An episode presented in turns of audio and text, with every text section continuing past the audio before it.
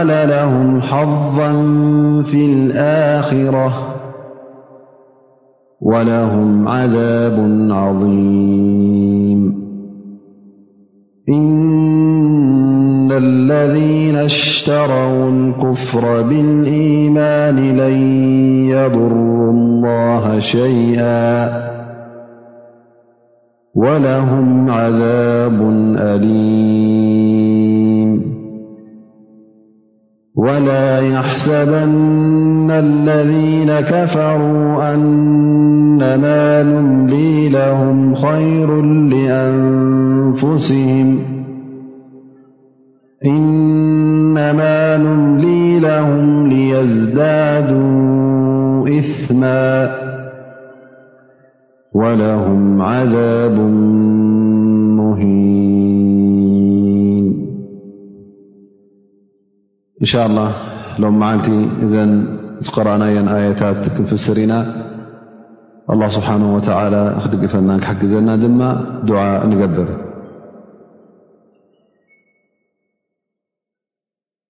يقول الله سبحانه وتعالى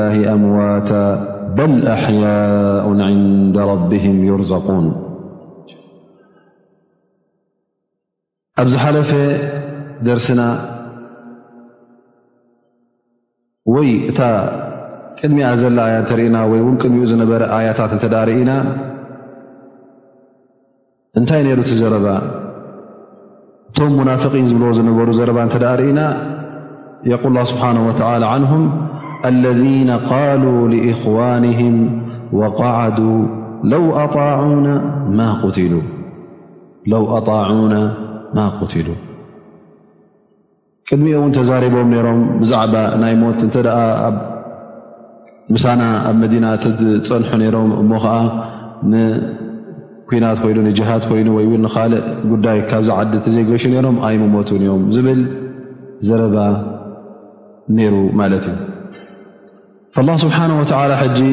እዞም ልላ ኢሎም ምእንቲ ኣላ ስብሓን ወተዓላ ዝሞቱ እቶም ሸሆዳ እቲ ዘለዎ ናብራ ናብራ እዎ ካብዛ ዓለም እዚኣ ተፈላለዮም እዮም ግን እቲ ዘለዎ ናብራ እውን ፍሉይ ናብራ ከም ምዃኑ ህየት ዘለዎ ናብራ ምዉታት ከም ዘይቁፀሩ ኣላ ስብሓን ወተዓላ ነዚ ነገር እዚ ክብርህ እዛ ኣያ እዚኣ የወርድ ማለት እዩ ገዛእ ርእሳ እዛ ኣያ እዚኣ ብዙሕ ፋይዳን ወይ ከዓ ብዙሕ ኣድላይ ነጥብታት ዝሓዘለት ትኸውን ቀዳማይ ነገር እንታይ ተርእየና ማለት እዩ ፈضሊ ሸሃዳ ብልፀት ናይቶም ሸሃዳ ክሳዕ ክንደይ ከራማ ከም ዘለዎም ክሳዕ ክንደይ ኣብ ቅድሚ ኣላ ስብሓን ወተዓላ ብልፀት ከም ዘለዎም ኣላ ስብሓን ወተዓላ እውን ክንደይ ኣብ ዮም ኣልቅያማ ክንደይ ሽሻይን ክንደይ ፀጋን ቀሪብሎም ከም ዘሎ ትብርህ ማለት እዩ ኣብ ርእሲኡ እውን ነቶም ቤተሰቦም ነቶም ኣዝማዶም ገዲፎሞም ዝሓለፉ ንኦም ውን እንታይ ተብል ማለት እዩ ንኦም ውን ተፀናናዕ ኣያ እያ ነቶም ድሕሪኦም ዝተረፉ ህየተኛት ገና ዘይሞቱ ዘለዉ ንኦም ተፀናናዕ ማለት እዩ እቶም ዝሞትኹም ኣሕዋትኩም ፊ ሰብላህ ዝሞቱስ ከም ሙዉታት ክቆፅርዎም ከምዘይብሎም ማለት እዩ ኣብ ርእሲኡ ድማ ሳልሳይ ነጥቢ እንታይ ዓይነት ፋይዳ ሒዛህልና ትመፅእ ብዝያዳ ነቶም ዘይሞቱ ብሕየቶም ዘለዉ ሰባት ውን ኣብቲ ቃልሲ ኣብቲ ጅሃድ ንክካፈሉ ንዕኦም ትደፋፍእን ንዕኦም እውን ናብዚ ጉዳይ እዚ ክንቀሳቀሱን ንጥፈቶም ኣብኡ ንክገብርዎን ንዕኦም ትደፋፍእ ኣያ እያ ስለዚ እዛ ኣያ እዚኣ ቀላል ኣይኮነትን ኣ ስብሓ የል ወላ ተሕሰበና ለذ قትሉ ፊ ሰቢል ላ ኣምዋታ ምዉታት ክቆፅርዎም የብልኩም እንቶም ምእንቲ ኣላ ስብሓ ወላ ኢሎም ዝሞቱ ዘለዉ እንታይ ደኣ በል ኣሕያء ንዳ ረብህም ይርዘቁን እዚኦም ብህየቶም እዮም ዘለዉ ኣይሞቱን ምዉታት ኣይኮኑ ከምቶም ምዉታት ዝቁፀሩ የብሎምን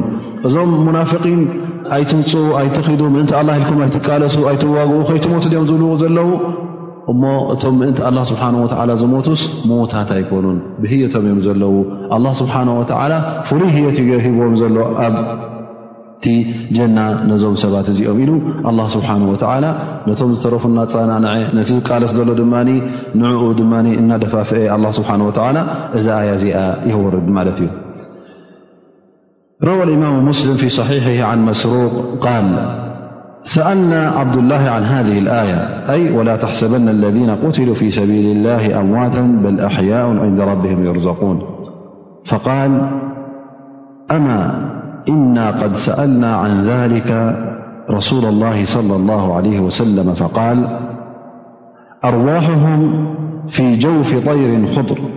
لها قناديل معلقة بالعرش تسرح في الجنة حيث شاءت ثم تأوي إلى تلك القناديل فاطلع إليهم ربهم اطلاعة فقال هل تشتهون شيئا فقالوا أي شيء نشتهي ونحن نسرح من الجنة حيث نشاء أو حيث شئنا ففعل ذلك بهم ثلاث مرات فلما رأوا أنهم لن يتركوا من أن يسألوا قالوا يا رب نريد أن ترد أرواحنا نريد أن ترد أرواحنا في أجسادنا حتى نقتل في سبيلك مرة أخرى فلما رأى أن ليس لهم حاجة تركوا إذ حدث ي ኣብቲ ግዜ ነቢና ሙሓመድ ለ ላ ለ ወሰለም እዛ ኣያ እዚኣ ምስ ተሓተተት እቶም ኣስሓብ ነቢ ቶም ብፆት ነቢና ለ ላ ለ ሰለም እዛ ኣያ እዚኣ ምስ ወረደት ምስ ሓተቱ በዚ ሓዲስ እዚ ነቢና ሙሓመድ ለ ላ ለ ወሰለም ይምልሱ ማለት እዩ ኣላ ስብሓን ወተላ ያ ረሱላ ላ ስለምንታይ እዩ ወላ ተሕሰበና ለና ቁትሉ ፊ ሰቢል ላ ኣምዋተ በል ኣሕያ እንታይ ማለቱ እዩ ኣላ ስብሓን ወተላ ነቶም ሸሃዳ በዚ ኣገላልፃ እዚ ዝገለፆም ፍሉይ ህየት ዝገበረሎም ከመይ ማለት እዩ ካልእ ሰብ መውት ንህየትሎ ኣይተባህለን ግን ነዞም ሸሆዳ ኣላ ስብሓን ወተላ ኣሕያእ ዝበሎም ከመይ ማለት እ ኢሎም ንነቢና ሙሓመድ ለ ላ ለ ወሰለም ይሓቱ ማለት እዩ ፈየቁል ነቢይ ስለ ላ ለ ሰለም ኣርዋሑም ፊ ጀውፊ ጠይሪን ክዱር ርሖም እቶም ምእንቲ ኣላ ስብሓን ወላ ኣብ ሰቢልላ ኣብ ጅሃድ ዝሞቱ ርሖም ኣብ ከብዲ ወይ ከዓ ኣብ ከርሲ ጨራሩ ቀጠልያ ጨራሩ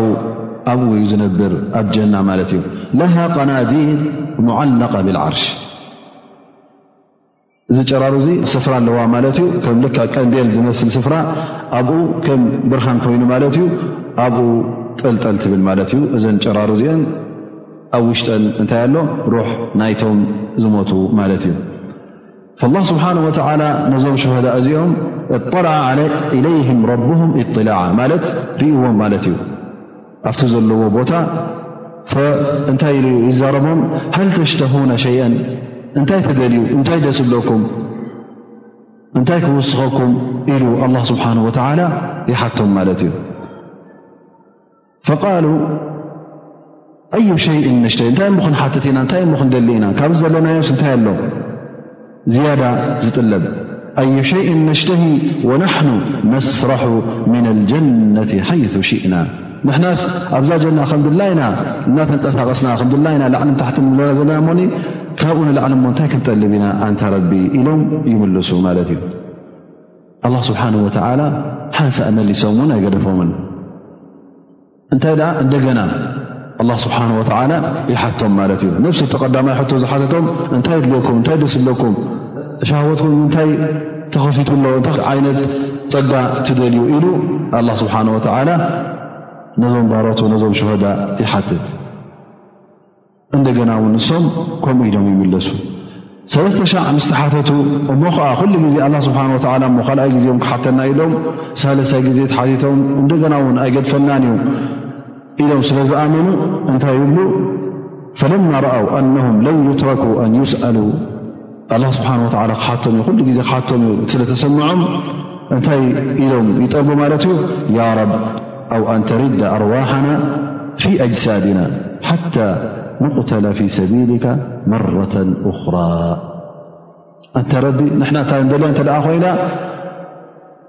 እዘን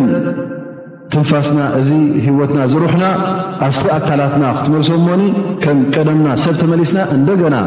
ምእንታኻ ንዓኻ ንኸነፍቱ ምእንቲ ዲንካ ምእንቲ እቲ ዝደኣኽካዮ መልእኽቲ ናብ ሰብ ንኸነበፅሕ ምእንቱ ኢልና ክንቃለሶ ሞኒ ተቓሊስና ኣብዚ ቃልሲ እዚ ንክንመውት ኣብዚ ጅሃድ እዚ ንክንመውት ንትነ እዚኡ ትምኒትናን ድልትናን ኢሎም ይሓቱ ማለት እዩ ፈለማ ረኣ ኣን ለይሰ ለሁም ሓጃ ቱሪኩ ኣላ ስብሓን ወተዓላ ብድሕሪ እዙ ኣብቲ ዘለዎ ቦታ ኣብቲ ጀና ክውስኽዎ ዝደልዎ ነገር ስለ ዘየለ ኣላ ስብሓን ወተዓላ ብድሕሪ እዙ ኣይሓተቶምን أنبنا محم-صلى الله عليه وسلم يحبن الوفي حديث خر يقول فيما رواه الإمام أحمد عن أنس أن رسول الله صلى الله عليه وسلم قال ما من نفس تموت لها عند الله خير يصرها أن ترجع إلى الدنيا إلا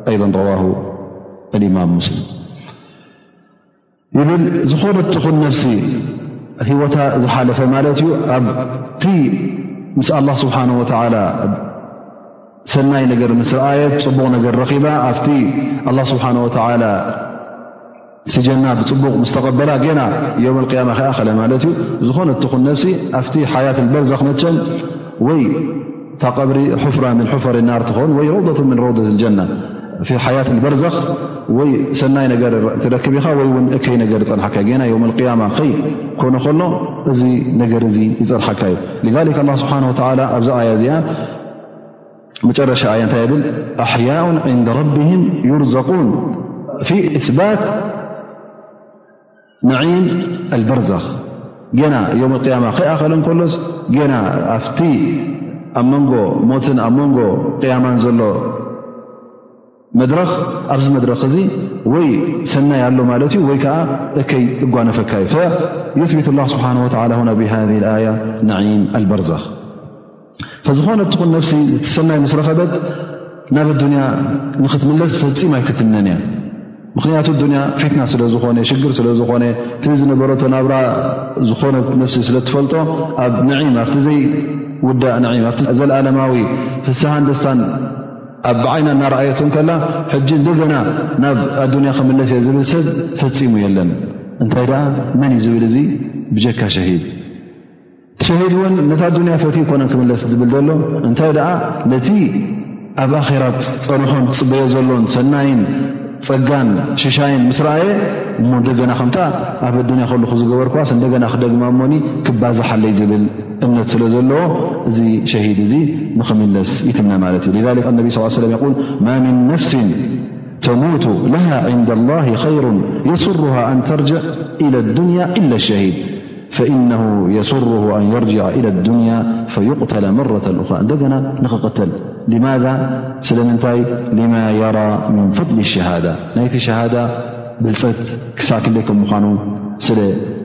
ري ن ون مالت نا الدنا يطلب روى الإمام أحم عن ابن عباس الال رسول الله صلى الله عليه وسلملماصي إخوانكم بأحد جعل الله أرواحهم في أجواف طير خضر ترد أنهار الجنة وتأكل من ثمارها وتأوي إلى قناديل من ذهب في ظل العرش ج حديث در ح م ن زيادة الو ملت ي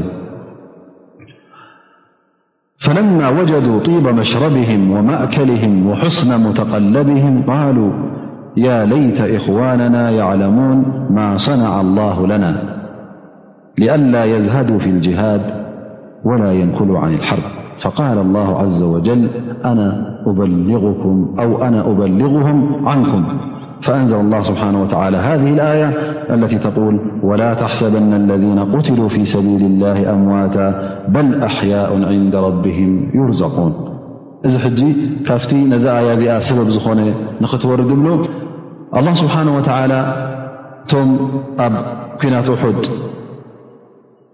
ዘስተሽሃዱ ተጎድኡ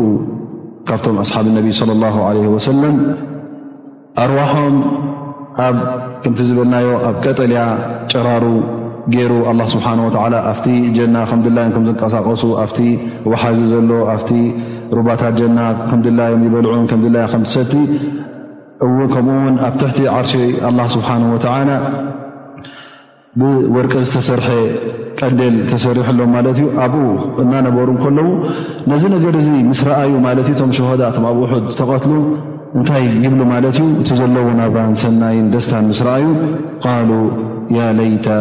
እኽዋንና ይዓለሙና ማ ሰናዓ ላሁ ለና እቶም ብድሕሪና ዝገደፍናዮም ኣሕዋትናስ እንታይ ከም ዝረኸብና እንተዝፈልጡ እዚ ዘለናዮ ናብራ እንተዝፈልጡስ ፈልጥዎ ነይሮም እንተዝኾኑስ ክንደይ ምተሓጎሱ ነይሮም ወይ ከዓ ክንደይ ኣብቲ ዘለዎ ቃልሲ ምቐፀሉ ነይሮም ከምኡ ውን እንተ ደኣ ንዝፈሊጦምሲ ነቲ ጅሃድ ኣይምገደፍዎን ነይሮም እንተ ደኣ ኣብቲ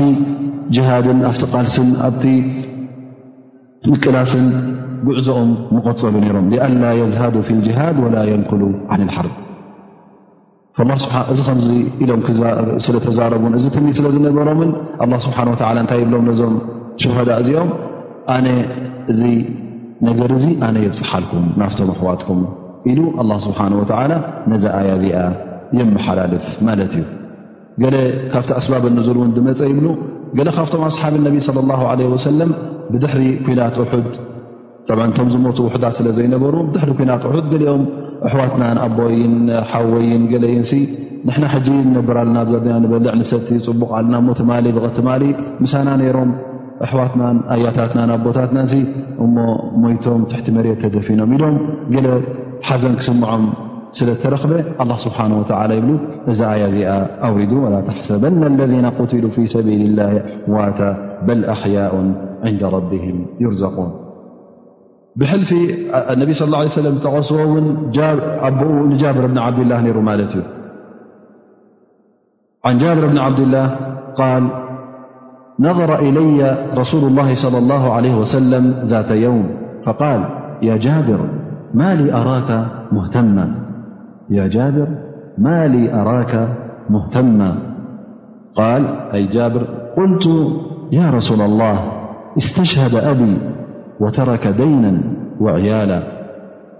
قال النبي صلى ل ليه وسلم - ألا أخبرك ما كلم الله أحدا قط إلا من وراء حجاب وإنه كلم أذاك كفاحا قال علي الكفاح المواجهة فقال أي الله سبحانه وتعالى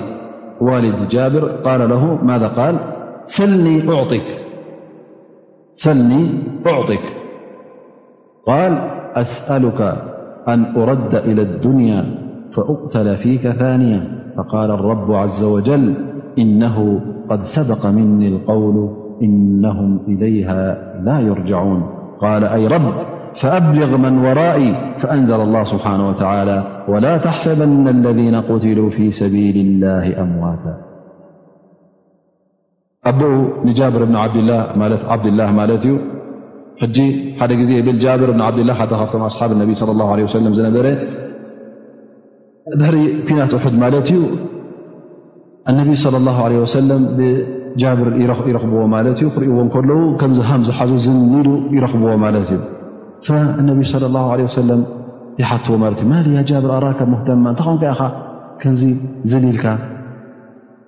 እንታይ ወሪዱ እኳ እዩ ኢሎም ነቢና ሙሓመድ صለ ه ሰለም ይሓትዎ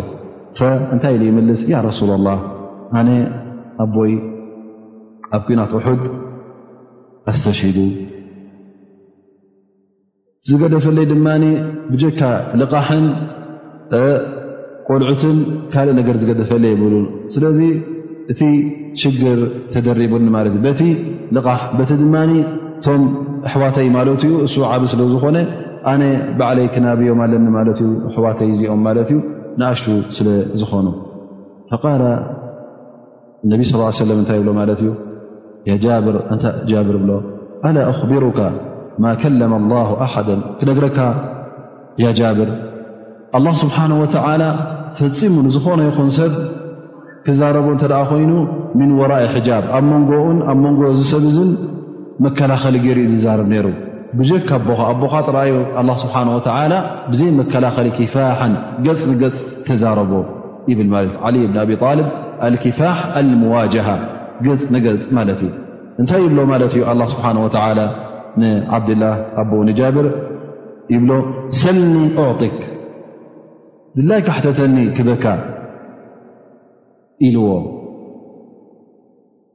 ቃል እንታይ ኢሉ ከመሊሱ ኣቦኻ ቃል ኣስኣሉካ ኣን ኡረዳ ኢለ ኣዱንያ ፈኡቅተላ ፊከ ታንያ ኣነ ዝሓቶ እንተ ኣለኒ ኣንታ ረቢ እንደገና ናብ ኣዱንያ ካልኣይ ግዜ ክትመልሰኒ ምእንታኻ ኣብቲ ዲንካን ምእንቲ እቲ ዓወት እስልምና እንደገና ንክቕተል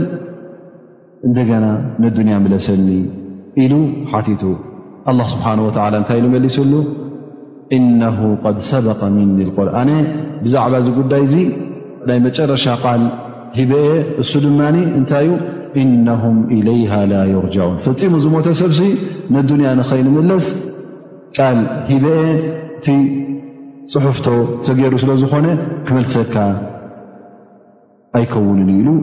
ኣላ ስብሓን ወተላ ይምልሰሉ ማለት እዩ ፈንታይ ይብል ኣብ ጃብር ይብል ኣይ ረብ ፈኣብሊغ መን ወራኢ እሞ እቶም ድሕሪና ዝተረፉስ ንገረለይ ትረኪብና ዘለና ሽሻይን ትረኪብና ዘለና ከይርን ዚ ክሳዕ ክንደይ ዓብ ከም ምኳኑስ ንገረለይ ይብል ማለት እዩ ላ ስብሓን ወተላ እዛ ኣያ እዚኣ የውርድ እንታይ እዩ ዘርእየና ዘሎ ማለት እዩ ሕጂ እቶም ሸሃዳ ብቢ ዓይነቱ ከም ምኳኖም ኣላ ስብሓን ወተላ እውን እቲ ናቶም ሩሕ ኣብ ከርሲ ወይከዓ ኣብ ከብዲ ኣብ ውሽጢ ቀጠልያ ጨራሩ ይገብሮ ከም ምኳኑ የብርሃልና ማለት እዩ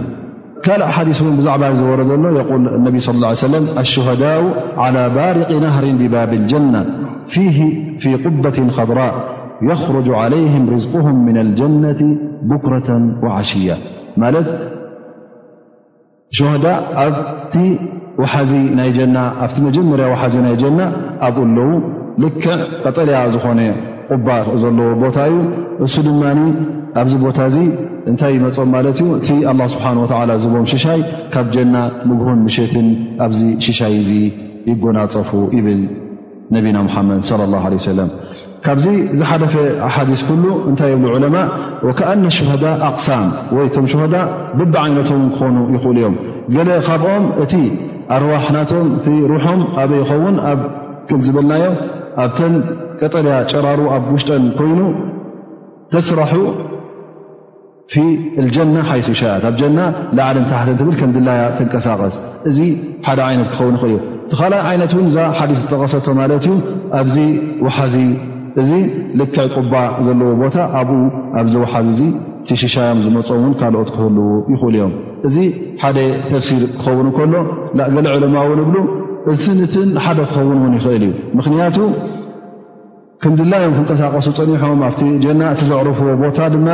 ሓደ ካብቲ ዘዕርፍዎ ቦታ ኣብቲ መፈለምታ ናይቲ ባሪ ቁናሃር ፍልጀና ዝበሃል እቲ ቁባ ዘለዎ ናብኡ መፅኦም እቲ ዝወሃቦም ሽሻይ ኣብኡ ይቕበልዎ ክኾኑ ክእሉ እዮም ካብኡ ድማ ኣብቲ ቦታኦም ኣብቲ ጀና ክንድላዮም ናተንቀሳቀሱ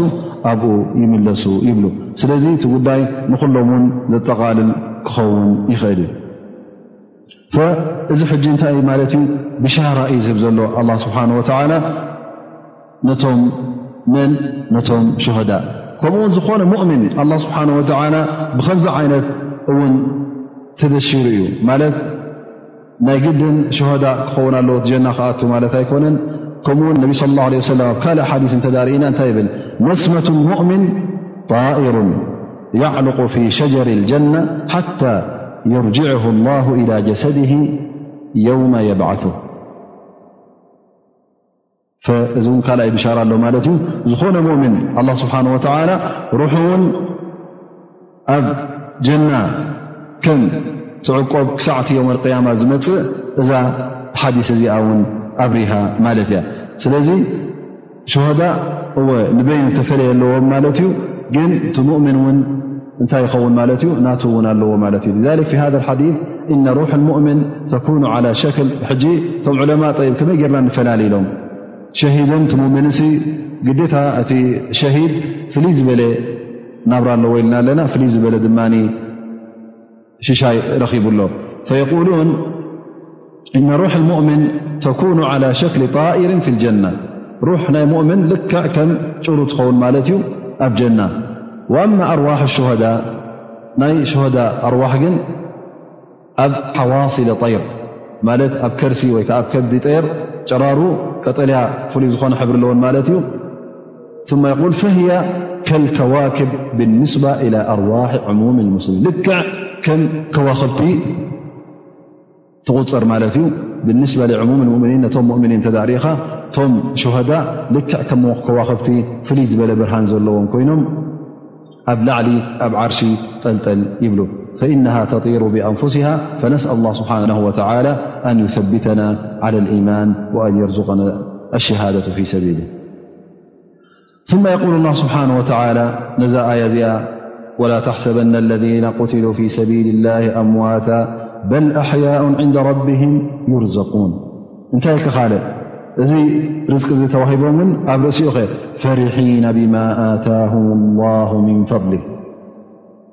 እንደገና እውን እቲ ኣላ ስብሓን ወተዓላ ሂብዎም ዘሎ ሰናይ ነገር እቲ ሂብዎም ዘሎ ፀጋ ብታሕጓስ እዮም ዝቕበልዎ እቲ ዘለዎ ሽሻይ እቲ ዘለዎ ራህዋ እዚ ኩሉ ብጣዕሚ የሐጉሶም ማለት እዩ ኣብ ርእሲኡ እውን እቲ ዝስምዖም ብስራት ዓብ እዩ እዚ ብስራት እዚ ብዛዕባ እንታይ እዩ እቶም ብድሕሪኦም ዘለዉ ዝቃለሱ እውን ምእንቲ ኣላ ስብሓን ወተላ ኢሎም ጅሃድ ዘካይዱ ዘለዉ ኣላ ስብሓን ወተላ እዚኦም እውን ፅባሕ ንግሆ ምስኦም ብሓደ ክራኸቡ ምዃኖም ብጣዕሚ ብስራት ይስምዖም ብጣዕሚ እውን ሓጎስ ይስምዖም ማለት እዩ ፈሪሒና ብማ ኣታሁም ላሁ ምን ፈضሊ ወየስተብሽሩና ብለذነ ለም የልሓቁ ብህም እቶም ገና ዘይርከብዎም ዘለዉ ኣብቲ ጉዕዞ ጅሃድ ዝቃለሱ ዘለዉ እዞም ሰባት እዚኦም ውን ከርክብዎም ስለ ዝኾኑ እቶም ኣሕዋቶም እቶም ድሕሪኦም ዝገደፍዎም ብዛዕባኦም ውን ብስራት ይስምዖም ምኽንያቱ እቲ ዘለዎ ደስታ ሕጂ ስለ ዝረኣዩ እባ እዚ እውን ንበይና ኣይኮነን እቶም ምሳና ዝነበሮ እውን ክርክቡና ስለ ዝኾኑ ብሓደ ኮይና ኣብዚ ራህዋ እዚ ኣብዚ ሰናይ ቦታ እዚ ኩላህና ክንድሰት ኢና ኢሎም እዚ ይስምዖም ማለት እዩ ብጣዕሚ እውን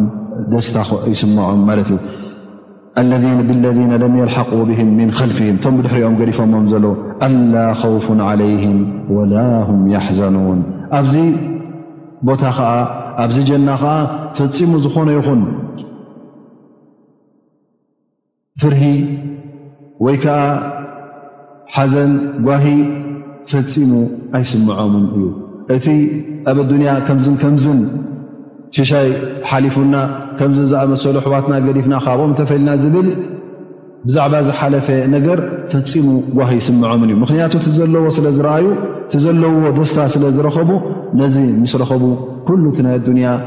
ራህዋን ደስታን እቲ ጥዑም ነገር ኣብ ኣዱንያ ዝስምዖም ዝነበረ ናይ ኣዱንያ ነገር ብልጭ ብልጭ ዝብል ዝነበረ እዚ ኩሉ ምስቲ ናይ ጀና ምስ ረኣይዎ ፈፂሙ ክራኸብ ስለ ዘይክእል እቲ ናይ ኣዱንያ ነገር ፈፂሙ ኣየብህዮምን እዩ እንታይ ደኣ እቲ ዘለዎ እሱ ብዝያዳ ይሐጉሶም ማለት እዩ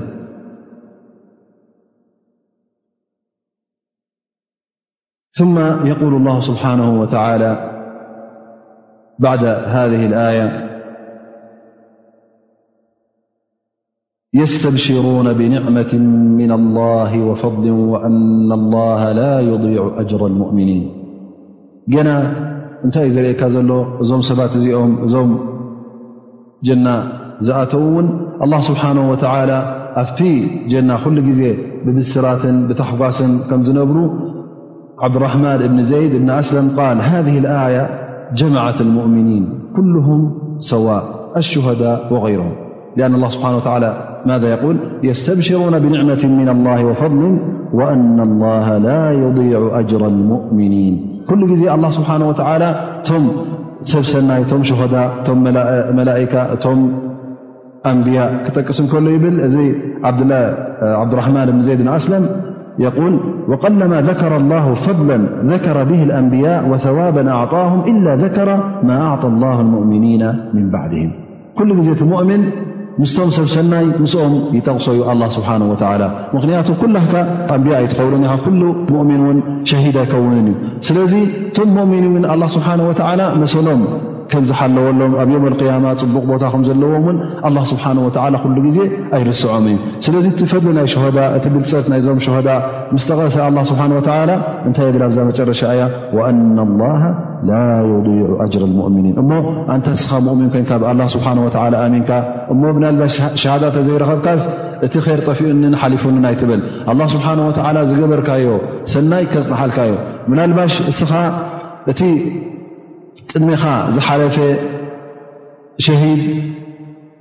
ብድሕሪኡ እስኻ ክንደይ ሰናይ ነገራት ን ክትገብር ትኽእል ኢኻ ኣብቲ ቃልሲ እውን ትቕፅል ኣለኻ ኣብቲ ጅሃድ ትቕፅል ኣለኻ እሞ በቲ ትገብሮ ዘለኻ ሰናይ ተግባር እውን እቲ መርተባ ናይ ሸሆዳ እውን ክትበፅሖ ትኽእል ኢኻ ስለዚ እሱ በታ ተቐተላ እንተ ሸሂድ በፂሑ እሞ እስኻ እውን ድሕሪት ተሪፈ ኢልካ ኣይትሕዘን እንተ ኣብቲ ናይ መገዲ ሓቂ ትቕፅል ኣለኻ ኣብቲ ጅሃድ ትቕፅል ኣለኻ ኣብቲ መገዲ ኢማን ትቕፅል ኣለኻ በቲ ትገብሮ ዘለኻ ሰናይ ተግባራት እቲ መንዚላ እቲ ቦታ ናይቶም ሽሆዳ እውን ክትበፅሖ ከምትኽእል ኣላ ስብሓን ወተላ ፈፂሙ ዝገበርካዮ ተግባር ዝገበርካዮ ሰናይ ግብሪ ኣላ ስብሓን ወተላ ኣኪቡልካ እዩ ትፀንሕ ألكن لذلك الله سبحانه وتعالى وأن الله لا يضيع أجر المؤمنين كلم مؤمنين الله سبحانه وتعالى أجرم كحلولهم حفلهم ي ثم يقول الله سبحانه وتعالى الذين استجابوا لله والرسول من بعد ما أصابهم القر እዛ ኣያ እዚኣ ብዛዕባ غዝወት ሓምራእ ኣልኣሰድ ትበሃል ናታ ፈድሊ እዩ ዝጠቅስ ማለት እዩ ሓምራእ ኣልኣሰድ ትበሃል እዚኣ ሕጂ መዓስ እያ ነይራ ገለ ዕለማ ምስ እሑድ የላግብዋ ማለት እዩ ግን ኣላ ስብሓን ወተላ ነዞም ሰባት እዚኦም እብልኻ ፈድላን ተኣጅርናታን ዓብ ስለ ዝገበራ ንገዛእ ርእሳ غዝዋ ንበይና ርእሳ ዝኸኣለት غዝዋ እያ እትሕሰብ ኢሎም ይጠቕስዋ ማለት እዩ እንታይ ተረኺቡ ድሕሪ እሑድ ድሕሪ እሑድ ኣብቲ ግዜ ኣብታ እሑድ ምስ ተጨረሸታ ኩናት እቶም ሙሽርኪን ተዓዊትና ኢሎም ናበይ ይኸዱ ማለት እዩ ንመካገፆም ይኸዱ ማለት እዩ እነቢ ስለ ላ ለ ሰለም ምስቶም ዝተረፉ ኣስሓቡ እቶም ዝሞቱ ቀቢሮም ናበይ ይኸዱ ማለት እዩ ንመዲና ይኸዱ ሙሽርኪን መገዲ ሓደ መዓልቲ ዝኸውን ገለ ምስ ከዱ እንታይ ይብሉ ማለት እዩ ንሕናስ እዚ ኩሉ ገይርና እሞ ከዓ እቲ ዓወት ኣብ ኢድና ነይሩ እቲ ጉዳይ እውን ንሕና ከይጨረስናዮ መፅእና ንመሓመድ ስ ላ ሰለም ኣይቀተልና መዲና ኣይኣተና እሞ ሕጅስ ብድሕሬና ተኣኻኺቦም እንደገና ክሕይሉስ ክኽእሉ እንድዮም ኢሎም ትሓስቡ ጀምሩ ማለት እዩ ነቢ صለ ላه ለ ወሰለም ኣብ መዲና ምስ ሓደረ ይሓስብ ማለት እዩ እንታይ ይብል ሕጂ ምናልባሽ ምለሱ ውን ኾኑ ኣይፍለጥን እዩ ክሓስብ ሓዲሩ ማለት እዩ ምናልባሽ ይምለሱ ኾኑ እሞ ኣብ መዲና ክነጥቅዖም ዝብል ሓሳብ መናልባሽ ይመፆም ይኸውን ኢሉ እዚ ኩሉ ነገራት ገላብጦ ይሓድር ማለት እዩ ነቢ ለ ላ ለ ወሰለም ንፅባሐይቲ ንግሆ ይብል ኩልኹም ቶም ኣብ እሑት ተካፈልኩም ወላ እውን ቶም ውጉዓት ኩሉኹም ብጀካኹም ውን ካልእ ክመፅእ ኣይደልየን እየ ይብል ነቢ ስለ ላ ሰለም ኩሉኹም ንዑናይ ክንወፅእ ኢና ፅባዕ ይብል ማለት እዩ እቶም ኩናት ውሑድ ጥራሕ ተካፈልኩም ዘይተካፈለ ሰብ ኣይደልዮን እየ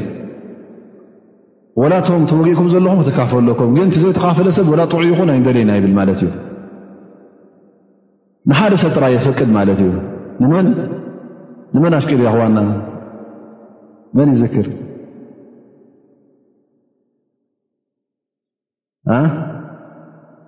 ላ ጃብር ብን ዓብድላ ጃብር ብን ዓብድላ ነፍሲ እዚ ታሪኹ ተጠቐሰ ማለት እዩ ኣላ ስብሓን ወተላ ኣብ ጀና ከመይ ገይሩ ከም ተቐበሎ ክካፈል ደሊ ነሩ ኣብ ኩናት ሑድ ጃብር ኣቦኡ ይብሎ ኣነ ክካፈል ስኻ ትካፈለኒ ኢኻ ኣሕዋትካ ረአ ይብሎ ማለት እዩ ስለዚ እሱ ንኣሕዋቱ ክርኢ ማለት ኣቦ ንክካፈል ስለዝደለየ ኣቦኡ ይካፈል ማለት እሱ ኣብ ዓዲ ይውዕል ኣቦኡ ኣብ ኩናት ይመውት ሸሂድ ይኸውን ማለት እዩ ስለዚ ፅባሓይካ ክብገሱ ከለዉ ያ ረሱላ ኣነ ኩናት ክትካፈል ሓሲበ ነረ ላኪን ኣቦይ ትረፍ ስለ ዝበለኒ ኣነ ክኸይደ እስኻ ኣሕዋትካ ርእ ስለ ዝበኒ ንሱ ስለ ዝኣዘዘኒ እየ ተሪፈ በረ ኣነ ክካፈል ሓስብ ስለ ዝነበርኩ ስለዚ ኣነ ካብቶም ተኻፈሉ እየ ዝሕሰብ ኢሉ እሞ ስለዚ ካብቲ ኣጅሪ ኣይትግደፈኒ ይብል ወላ ኣብ ክንዲቦይ ሕሰበ ንብሎ ማለት እዩ ስለዚ ነዚ ንጃብር ብን ዓብድላ የፍቅደሉ መዓኑ ኣይነበረን ዓብዱላ ብን ኦበይ ምሰሉ ኣነ ከማ ክኸይድ የምሳኻ ይብል ማለት እዩ ነቢ ስ ሰለም ኣይተድልየንን ኢኻ ይብሎ ማለት እዩ ስለዚ እቶም ኩሎም ሙናፍቒንቶም ካብ ኩናት ውሑድ እዘንሰሓቡ እዞም ሰባት እዚኦም ኣየድልዩና ንብል ማለት እዩ ጥራይቶም እሑድ ምሳና ዝነበሩ እሶም ኩሎም ፅባሕ ንግሆ ንክወፁ ኢሉ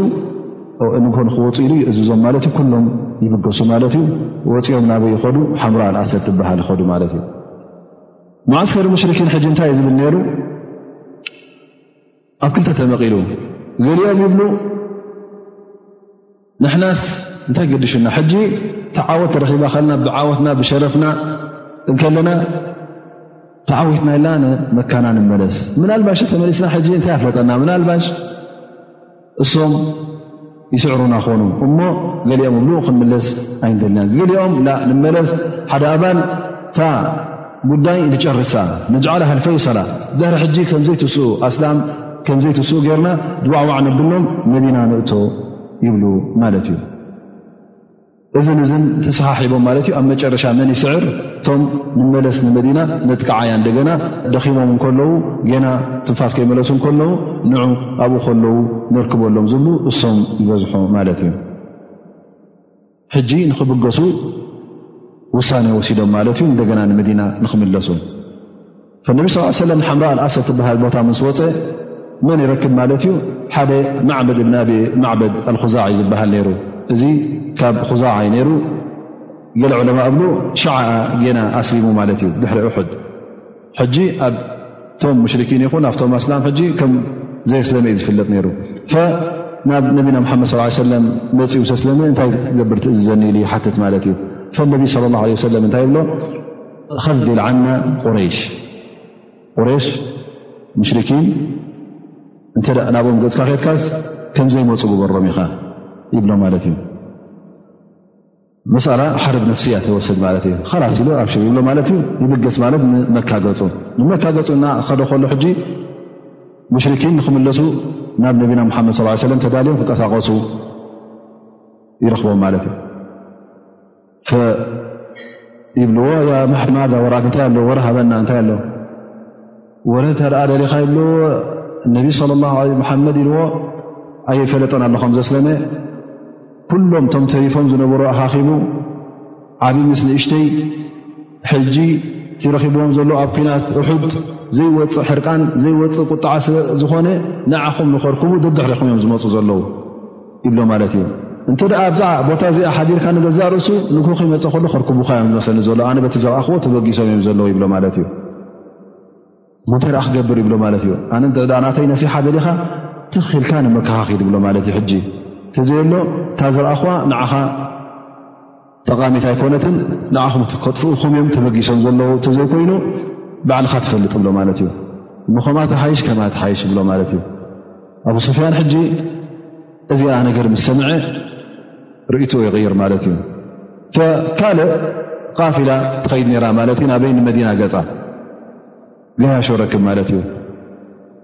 ፈንታይ ይብሎም ይብሎም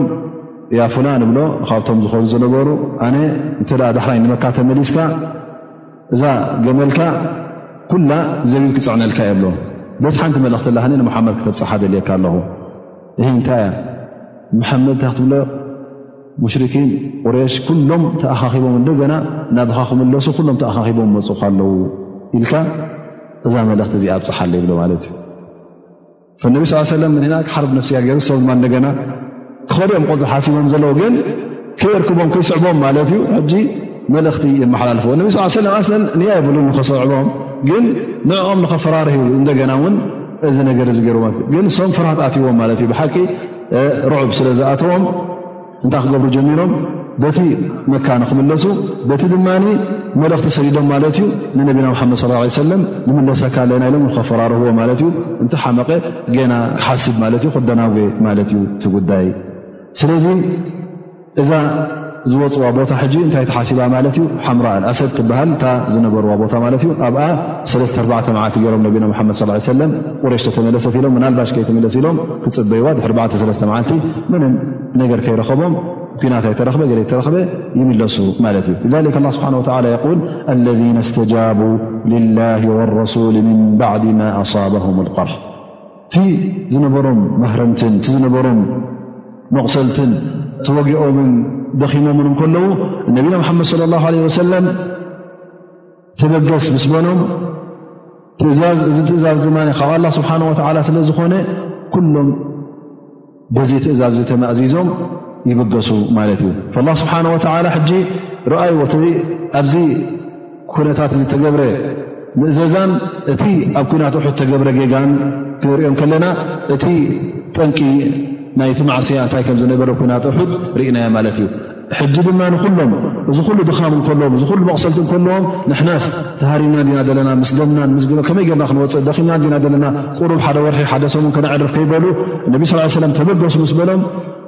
ወላ እውን ስለምንታይ እቶም ካልኦት ደይከዱ ምሳና ይበሉ እንታይ ደኣ ኩሎም ነዚ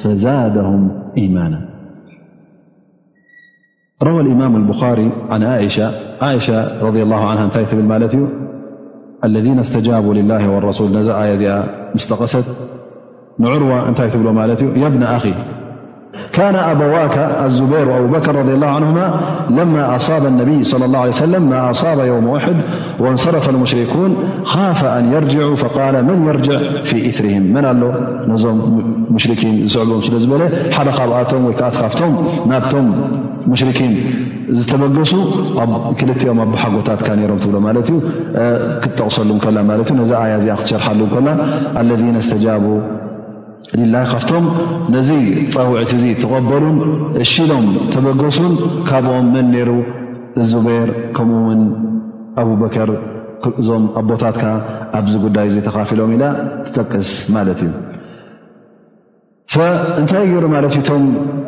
ኣቡ ሱፍያን ዝለኣኾም ናብ ነቢና ሓመድ ስ ሰለም መፅኦም እሶም ውን እንታይ ክብሉ ጀሚሮ ነቲ ሰራዊት ምስ ነቢና ሓመድ ስ ሰለም ኣብ ሓምራ ኣልኣሰድ ዝነበረ ንኡ እንታይ ኢሎም ማለት እዩ ሙሽርኪን ኩሎም እንደገና ሕጂ ተኣኻኺቦም እመፁኹም ኣለዉ ተባሂሉ ማለት እዩ እዚ ወረ እውን ተመሓላሊፉ ማለት እዩ ፈነቢ ለ ለ ሰለምን ብፆቶምን እዚ ወረ እዚ ምስ መፆም እሶም ውን ፈርሑ እዮም ነሮም ማለት እዩ ምናልባሽ ምልስ ዝኾኑ ዝብል ሓሳብ ስለ ዝነበረ እዩ ነቢና ሓመድ ለ ላ ለ ሰለም ናበይ መፅኡ ንሓምራ ኣሰብ ወፅኡ ሕዚ ሕጂ ካልኣይ ፊትና ማለት እዩ እክትባር መርመራ እዩ ዝግበር ዘሎ ማለት እዩ ምስቲ ድኻሞም ወፂኦም እንከለዉ እሞ ሕጂ እንታይ ሰምዑ ኣለዉ እንደገና ሙሽርኪን ክምለሱ እዮም ዝብል ወረ ምክንያቱ እቲ ተላኢኹ እዩ መፅኡ እሱ ተላኢኹ ወላ ሕሶት ይኹን ግን እሱ ከምታ ተላእኻ ሙሓመድ ብሎ እቶም ሙሽርኪን ኣብስፍያን ናባኹም ንክምለሱ ተበጊሶም ኣለዉ ኩሎም ውን ተኣኻኺቦም ሰራዊቶም ኣተዓራርዮም ዕጥቆም ኣተዓራርዮም እንደገና ይምለሱኹም ኣለዉ ተኣኻኺቦም መፅኹም ኣለዉ እሞ ተጠንቀቑ ኢሎም ከፈራርሁ ጀሚሮም ማለት እቶም መን ዝለኣኾም ኣቡ ሱፍያን ዝለኣኾም ሕጂ እቲ ጉዳይ ነቶም ኣስሓብ ነቢ ስ ሰለም ቀሊል ኣይኮነን ምስ ድኻሞም እንከሎ ኣብ ሓምራ ኣልኣሰድ እናተፀበዩ ከለዉ እዚ ወረዚ እውን መፅዎም ማለት እዩ ለذነ ቃል ለም ናሱ እነ ናሰ ድ ጀመዑ ለኩም ፈኽሸውም ኩሉ ኣንፃርኩም ተኣኪብሎ መፅኹም ኣለዉ ሕጂ እሞ ተጠንቀቑ ካብኦም ክትፈርሁ ኣለኩም ከጥፍኡኹም እዮም ምስ በልዎም እንታይ ኮይኖም እዚ ነገር እዚ ቅጭጭ ኣይበሎምን እንደገና ደኣ እንታይ ኢማን ወሲኽዎም ማለት እዩ ዝኾነ ይኹን ሙእምን እንተ እቲ ኩነታት እናጠንከረን እናበኣሰን እናኸፍአን ክኸይዱ ከሎ እንተ ናይ ብሓቂ ኢማን ኣለካ ኮይኑ ብኣላ ስብሓን ወላ ተኣምን እተ ኮይንካ እቲ ኢማንካ እናበርትዐን እናዛየደን እዩ ዝኸይድ ምኽንያቱ ኣላ ስብሓን ወላ እዚ ጉዳይ እዚ እዚ ነገር እዚ ንፊትና ንፈተና ከም ዘምፃልካ ንዓኻ ውን እንደገና ፍትነካ ከም ዘሎስ ክትኣምን ኣለካ ማለት እዩ እቲ መርገፅካ ውን ኩሉ ግዜ ሓደ ክኸውን ኣለዎ ኣብቲ ብርቱዕ ዝኾነ መርገፅ ኣብቲ ፀቢብ ዝኾነ ኩነታት ኣብኡ እንተ ናይ ብሓቂ ኢማን ኮንካ ኣብኡ እንተ እቲ ኢማንካ ዘይተረእየ ኢማን የብልካን ማለት እዩ ሽዑ እቲ ኢማንካ ዝያዳ ኣለዎን ወላ ኣብ ውሕደትን ኣብ ጉድለትን ዘሎን ሽዑ እዩ ዝፍለጥ ስለዚ እዚ ጉዳይ እዚ ምስ ተረኽበ እሞ ኸኣ መጽኹም ኣለዉ፣ ሰራዊት ሙሽሪኪን መጽኹም ኣለዉ፣ ተኣኻኺቦም መጽኹም ኣለዉ፣ ይምለሱ ኣለዉ ምስ ተባህለ እዚ ነገር እዚ ናይ ብሓቂ ኢማን ስለ ዝነበሩ ብጀካ እቲ ኣላህ ስብሓን ወተዓላ ዝበሎም ዋዕድን ዝሃቦም ውዕልን እሱ ሓቂ ከም ምዃኑ ጥራይ ስለ ዝኣምኑ እንታይ ኢሎም ማለት እዩ እዚ ነገር እዚ ብዝያዳ ኢማን ወሲኽዎም ማለት እዩ ኢማን ተወሲኽዎም እንታይ ኢሎም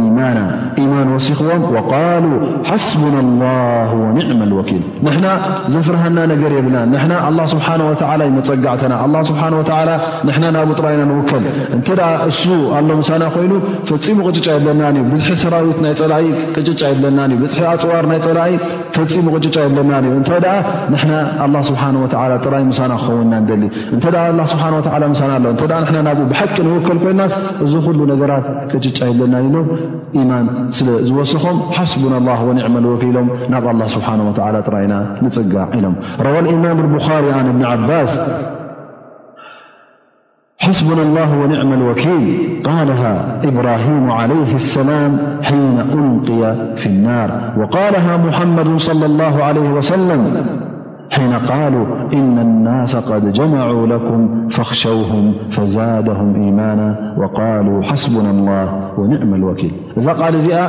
ነቢና እብራሂም ዓለ ሰላም ኣብ ሓዊ ኣብ እሳት ምስ ተደርበየ ቶም ክሓቲ እሳት ምስ ደርበይዋ ሓስብና ላ ወኒዕማ ልወኪል ኢሉ ከምኡ ውን ነቢና ሙሓመድ ለ ላ ለ ወሰለም ፀላእትኻ እመፁኻ ኣለዉ ተኣኻኺቦም ምስ ተባህለ ሓስብና ላ ወኒዕማ ወኪል ኢሉ ናብ ኣላ ስብሓን ወተዓላ ተፀጊዖም ነቲ ኩሉ እንትነኦም ንኣላ ስብሓን ወተዓላ ስለ ዝገደፍዎ ኣላ ስብሓን ወተዓላ ውን ምስኦም ኮይኑ ካብቲ ዝነበርዎ ጭንቂ ብሰላምን ብዓወትን ወፅኦም ማለት እዩ ስለዚ እዛ ቃል እዚኣ ዓባይ እያ ግን ክትብላ ከለኻ ንመልሓስ ጥራይ ትበሃል ኣይኮነትን ናይ ብሓቂ ካብ ልቢ ዝተበገሰት ክትከውን ኣለዋ እበር ብኣፍካ ሓስብና ላ ወኒዕመል ወኪል ኢልካ ግን ተተርእዮ ተግባርን ፍርህን ቦጅባጅን እተ ኣሎ ኮይኑ ከምኡ ውን እንተ ብሓቂ ኣብቲ ዘለኻዮ መርገፂ ናብቲ ኢምጋንካ ቀጥ ትብል እተ ዘይኮንካ ተሓስቡን ላ ኒዕመል ወኪል ትብላ ዘለኻ ምንም ፋይዳ የብላን እንተ ካብቲ መትከልካን ካብቲ መርገፅካን እንተ ንየማን ንፀጋም ፈጥፈጥ ትብል ኮንካ ተሓስቡን ላ ኒዕመል ወኪል ትብላ ብኣፍካ ፈፂማ ይጠቕመካን እያ ግን እንተ እታ ብኣፍካ ትብላ ሓስቡን ላ ኒዕመል ወኪል ቀጥ ኢልካ ትብላ ኣለካ ኮንካ ኣብቲ ዝሓዝካዮ መርገፅ ኣብቲ ዝነኸስካዮ